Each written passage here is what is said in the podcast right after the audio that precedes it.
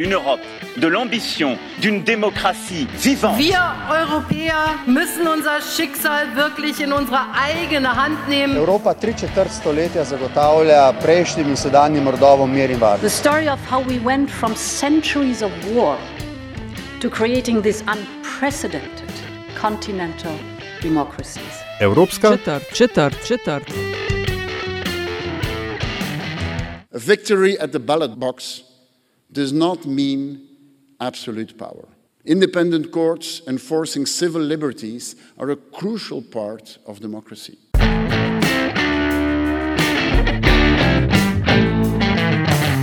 You're listening to a podcast on all things European, a podcast we call the European Quarter and is a part of Meta's List Media Network based in Slovenia. My name is Aljaž Pengov Bitenc and I am one half of the podcasting team. And my name is Natasha Briški, and I do comprise the other half of the team. Natasha, throughout our conversations on the wider phenomena of uh, illiberalism and democratic backsliding and the erosion of the rule of law in Europe, in the European Union, we've talked to a number of uh, very knowledgeable and important people um, Professor Laurent Pech, uh, Mr. Freudenstein, Jamie Wiseman of the Europe uh, International Press Institute, to name but a few. Uh, today, we're going to focus on the academic aspect and the crossroads of, of uh, media and illiberalism, right? Yes, media, media freedom. And joining us is Professor Sabina Mihelj. She's currently Director of Research for Communication and Media at Loughborough University. Professor Mihelj, uh, thank you for joining us. Thank you for having me. Among other things that you are working on as a researcher, there is a very interesting project. Uh, it's called Illiberal Turn The Role of Media in the Rise of Illiberalism in Eastern Europe. As you write, uh, describing the project, uh, recent years have seen worrying political developments across both old and new democracies, uh, ranging from the rise of populist leaders and a lack of support or dwindling support for democratic rule to the growing polarization of public opinion. Um, could you summarize what is the ambition of the project? Um, right, so um, this project that I'm working on together with a, a colleague at Loughborough, Václav uh, Štětka, um, uh, is actually the first project to systematically examine the role of the media in the rise of illiberal tendencies and political polarization um, and democratic backsliding, with a focus on Eastern Europe, simply because um, uh, this is a part of the world that hasn't received much academic attention, um, and uh, we are particularly interested in experiences of uh, the audiences, so people themselves. How do they use the media? How does that relate to their political, ideological attitudes uh, and ways of seeing the world? Um, and we did so through combination of both surveys and, and interviews as well as media diaries, um, uh, and, and really trying to establish in what way does news consumption in particular uh, shape this, this illiberal uh, trend. Professor Mihelj, it would seem, and correct me if I'm wrong, but uh, through the lens of the pandemic that's been ravaging uh, globally now for what, almost two years, uh, it would seem that illiberal tendencies have, well, almost spiraled out of control in Central and Eastern Europe, as if the pandemic was used as an excuse to, you know, turn the illiberalism all the way up to 11, to, to quote a popular film. Um, would it be fair to say that the groundwork for um, disintegration of trust between the people, the media, and the political class was laid years, even decades ago. Yes, certainly the um, uh, you know the weakening of trust in media is is uh, a longer term phenomenon. What I what I would add is um, you know that the, there are still significant variations across countries when we talk about the broader phenomenon of the crisis of trust, not just crisis in uh, trust in media. this is sometimes exaggerated, and we tend to forget that um, you know in countries in Scandinavia, for instance, in parts of the world such as China, for instance, that trust in in, in media uh, is is still very high. Uh, so it's primarily certain types of countries, U.S. in particular, that has been experiencing a long term decline in trust in political elites and and the media as well.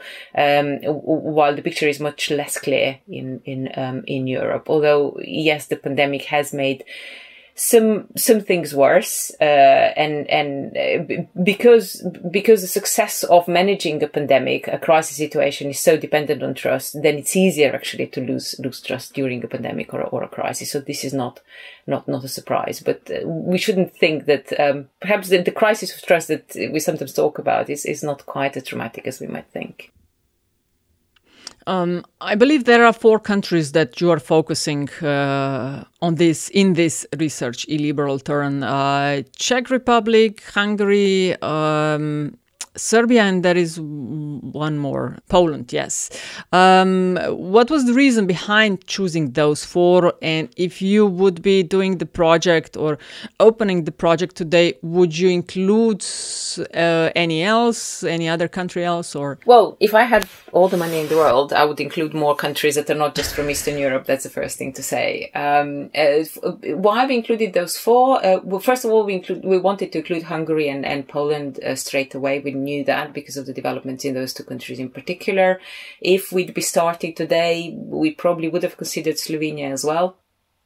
Um, uh, Czech Republic was then uh, um, part of, of the same kind of group of countries uh, in kind of Central and Eastern Europe with a similar trajectory post-communism, which, however, has had some problems with the liberalism, but not as much as uh, Poland and Hungary. So we thought that would be an interesting comparison.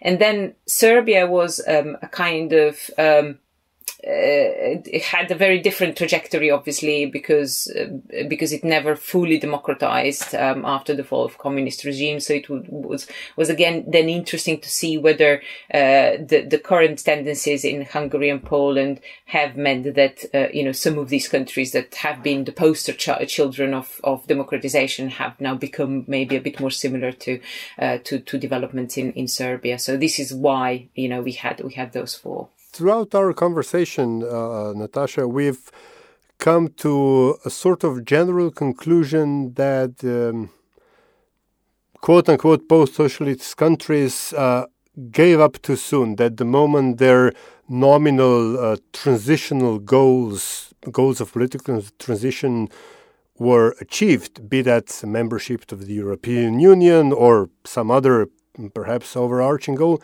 that the political class sort of dropped everything, saying, Our job here is done. Uh, Professor Mihelj, would this include the relationship between politics and media? Because it's somehow natural for the political class to try to influence the media landscape. Um, yeah, I, th- I think uh, there are several reasons for why um, y- you know things are happening in, in Eastern Europe as they are, and, and, and I think one of the things to mention is is just the simple fact that expectations were very high. Um, uh, you know, the fall of communism was such a transformative moment, and uh, you know, such a moment for you know dreaming up all sorts of scenarios of the future, and these scenarios were quite unrealistic um, you know, it, it, does take time to build a functioning democracy, and uh, you know, it doesn't ha- happen in in the span of, of, of a single generation. So I think, um, you know, maybe the optimist in me thinks um, that. Um, you know what what we're seeing happening now in Eastern Europe is more of a hiccup and we'll see a return to democracy. Uh, and it's a normal development because people are simply exhausted. They don't see um, you know, in their own lives, uh, they are perhaps disappointed with some of the, uh, rightly so, with, with, with, with, some of the aspects of, uh, you know, a liberal uh, uh, economy uh, combined with obviously the consequences of the economic crisis and the political elite that is still very much used to, you know, working in tandem with with the economic elites as well and using the media for for their own purposes. So there's a bit of you know a legacy element and habits here um, as well well. But I, I, I do, you know, uh, hope and believe that this is a hiccup. I mean, there's some recent developments in the Czech Republic with the recent elections and Hungary as well that do inspire some hope. Uh, in terms of, you know, the opposition, some unlikely, obviously, alliances there, but the opposition coming together and uh, stemming the liberal trend, uh, perhaps in unexpected ways from unexpected quarters. So, the, you know, people are mobilizing around uh, political figures that tend to be uh, maybe center right rather than center left. Uh, because this seems perhaps more palatable, but this is a situation where we are. Um, uh, so, um, yeah, uh, a little bit less less of a, grim picture again. Mm. Talking about uh, troublesome developments, many would point to, and, and there has been turned to the bad or to the negative in terms of uh, the freedom of the media, many would point to their fingers to the uh, digital media, the social media, and digital platforms. Um, many of, of these transitions have been uh, linked as uh, you uh, write in your project to changes in information environments. Uh, but how much is to blame the new, the social media, the digital platforms versus the so called uh, traditional, some would say, legacy media?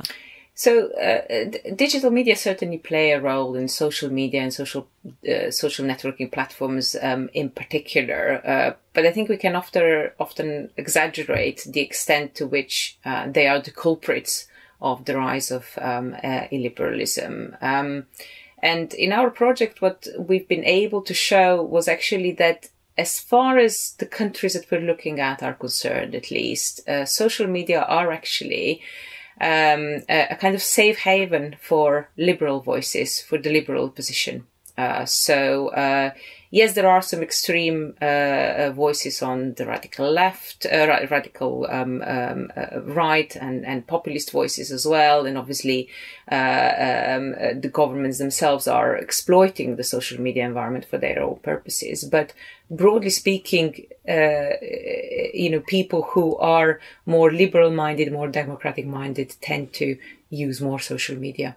Uh, so that that is perhaps an important lesson, and and it's uh, and this is the correlation is particularly strong in countries that um, have had uh, uh where where the governments have managed to monopolize um, uh, the, the, mainstream media media um, landscape a bit more.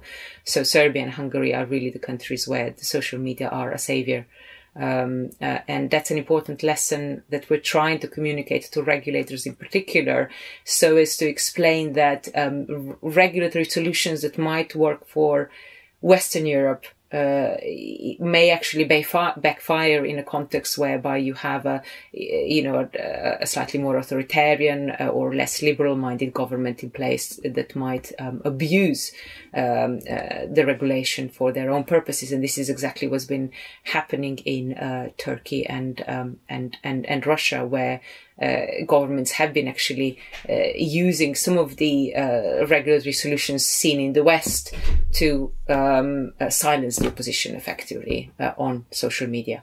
speaking of Western Europe, it seems lately that the um, old democratic traditions of Western Europe are often, uh, what's the phrase, back-footed or, or, or, or uh, found on the wrong foot when it comes to precisely what you're describing, that a, a regulatory framework uh, within an old Western democracy is understood differently than than uh, is applied in a uh, post-socialist or even proto-authoritarian regimes of Eastern or, or Southern Europe. Um, is there uh, a, a mis- is there uh, an inherent misunderstanding in what uh, the what what's the expression self-limiting role of a government should be? I mean, you know that there is a gentleman's agreement as to what the government should or should not do, what political should political elite should or should not do, and there is the um, legalistic uh, or quasi legalistic approach saying, oh, well, but if we read it this way, the law does allow us to limit freedom of speech. Well, the, the, I mean, there's certainly, you know, everywhere you do, you do have, um, you know, attempts to uh, bend uh, the legislation uh, to, to a particular interest. Uh, but but what what I would perhaps say is that what we see in the West is um, the, the agents who are trying to bend the law and, and, and find various loopholes uh, tend to be more, uh, you know, the commercial actors, uh, so commercial media uh, and uh, corporations, rather than political elites. Uh, who try to influence the media and find loophole, loopholes for, for primarily political interests. Now, obviously, the political and the economic at some point coincides, but I think this is a slight balance, perhaps. Um, the gentleman's agreement there's there's there's certainly a bit of that. You know, it's a different political culture, uh, so um, there's a bit more of an awareness of of where the limits should be. Um, uh, even though not, not everyone observes that. Um, monitoring uh, for Eastern European and Central European countries for two years, uh, you uh, launched a report that, if I'm not mistaken, you presented about a month ago in Zagreb, right? Yeah, that's correct. So, uh, so, yeah. so we pre- we prepared a report that's aimed at media regulators and journalists primarily, so media practitioners, with recommendations based strictly on on on, on our data uh, for things that could be do, done practically uh, to um, uh, to to limit uh, political polarization uh, and and increase yeah. trust in um, in media. Mm. And we presented that at the convention of the European Federation of Journalists. So we spoke, uh, we had the pleasure of speaking to representatives of journalistic associations from many countries. Um, uh, the Slovenian representative was, was I believe, uh, on online, uh, so we haven't met in, in person, but we had many, many productive discussions and several organizations actually wanted us then to continue the discussion and prepare some training or workshops for their members at national level. So we're currently exploring those, those opportunities as well. Yes, I, am interested. I asked you that because I'm, I mean, I mentioned that because I'm interested to hear more about the, the practical recommendations, or if you can mention a few. So, recommendations for journalists in the context uh, of the rise of uh, populism, uh, polarization. Um, yeah, interestingly, the majority of our recommendations, uh, if, if you look at the documents, are, are actually for regulators. Um, and we acknowledge that the event that um, journalists you know, do do have a role in can can uh, do things, but the, the, their capacity to act is far much mm-hmm. lim- far far more limited. I mean, some of some of the solutions that we we did recommend was uh, being careful about the choice of language. Um, uh, obviously. Uh, in terms of using polarizing language or not, um, uh, being careful about uh, using social media uh, as journalists themselves uh, in terms of expressing uh, their own private political opinions, uh, because um, that actually can undermine their ability to speak to a wide variety of audiences. Um, and we've seen uh, examples where this has contributed to polarization. Um, we've, also included some examples or recommendations for how to act productively in the context of a pandemic, uh, which kinds of authorities to rely on to increase trust in um, experts, uh, uh for instance, um, um, as well as in terms of choice of choice of topics to report to and uh, uh, and, and people to speak to. So, uh, I mean, this is a well-known fact that uh, human interest stories have potential to um, uh, invite or, or open people up to be more understanding or more appreciative of um, uh, different opinions uh, uh, different from from their own. So we had some interesting testimonies of people who uh, were initially, for instance, very much against uh, um, LGBTQ rights in any shape or form, or against migration. But then when they actually heard about the human life stories of individuals and experiences um, from uh, uh, um, usually in the context of social media or particular um, reports in media,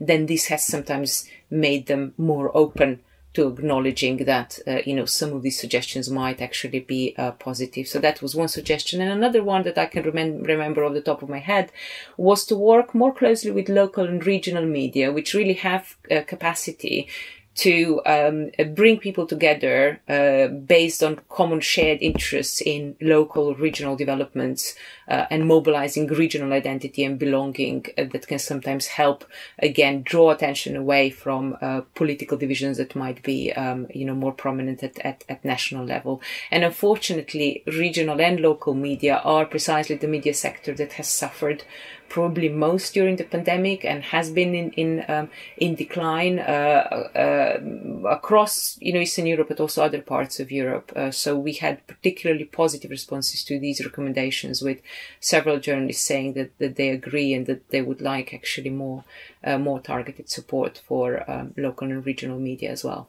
Um, and just to wrap things up, um, perhaps it's a bit outside your purview, but uh, recently the European Commission has announced a uh, what they call a media toolkit, a sort of regulatory framework to um, protect the role of uh, public media and uh, either prevent or discourage attacks on media outlets and journalists. Uh, do you see an increased role of government, governmental or supra-governmental institutions such as the EU uh, as uh, inherently positive in, uh, when it comes to to um, media protection?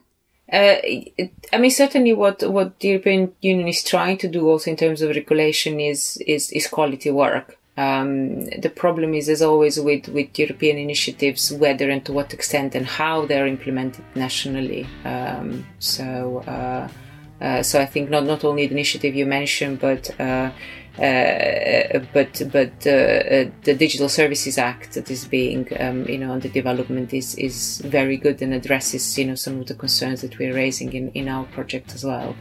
Uh, the challenges, as I say, lies at, at the national level, unfortunately. Professor Sabina Mihelj, thank you uh, for your time and for sharing the insights uh, of your research project, Illiberal Turn, with listeners of uh, the podcast European Quarter. It's, it's been a pleasure. Thank you. Thank you very much to you to giving me this opportunity, and um, I would uh, invite anyone who's listening and is interested in hearing more to check our website, the Liberal Turn. Uh, that's what you need to Google.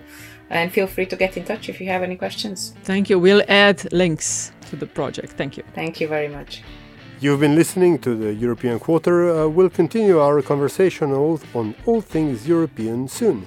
And as always, thank you for tuning in. And until next time, watch this space.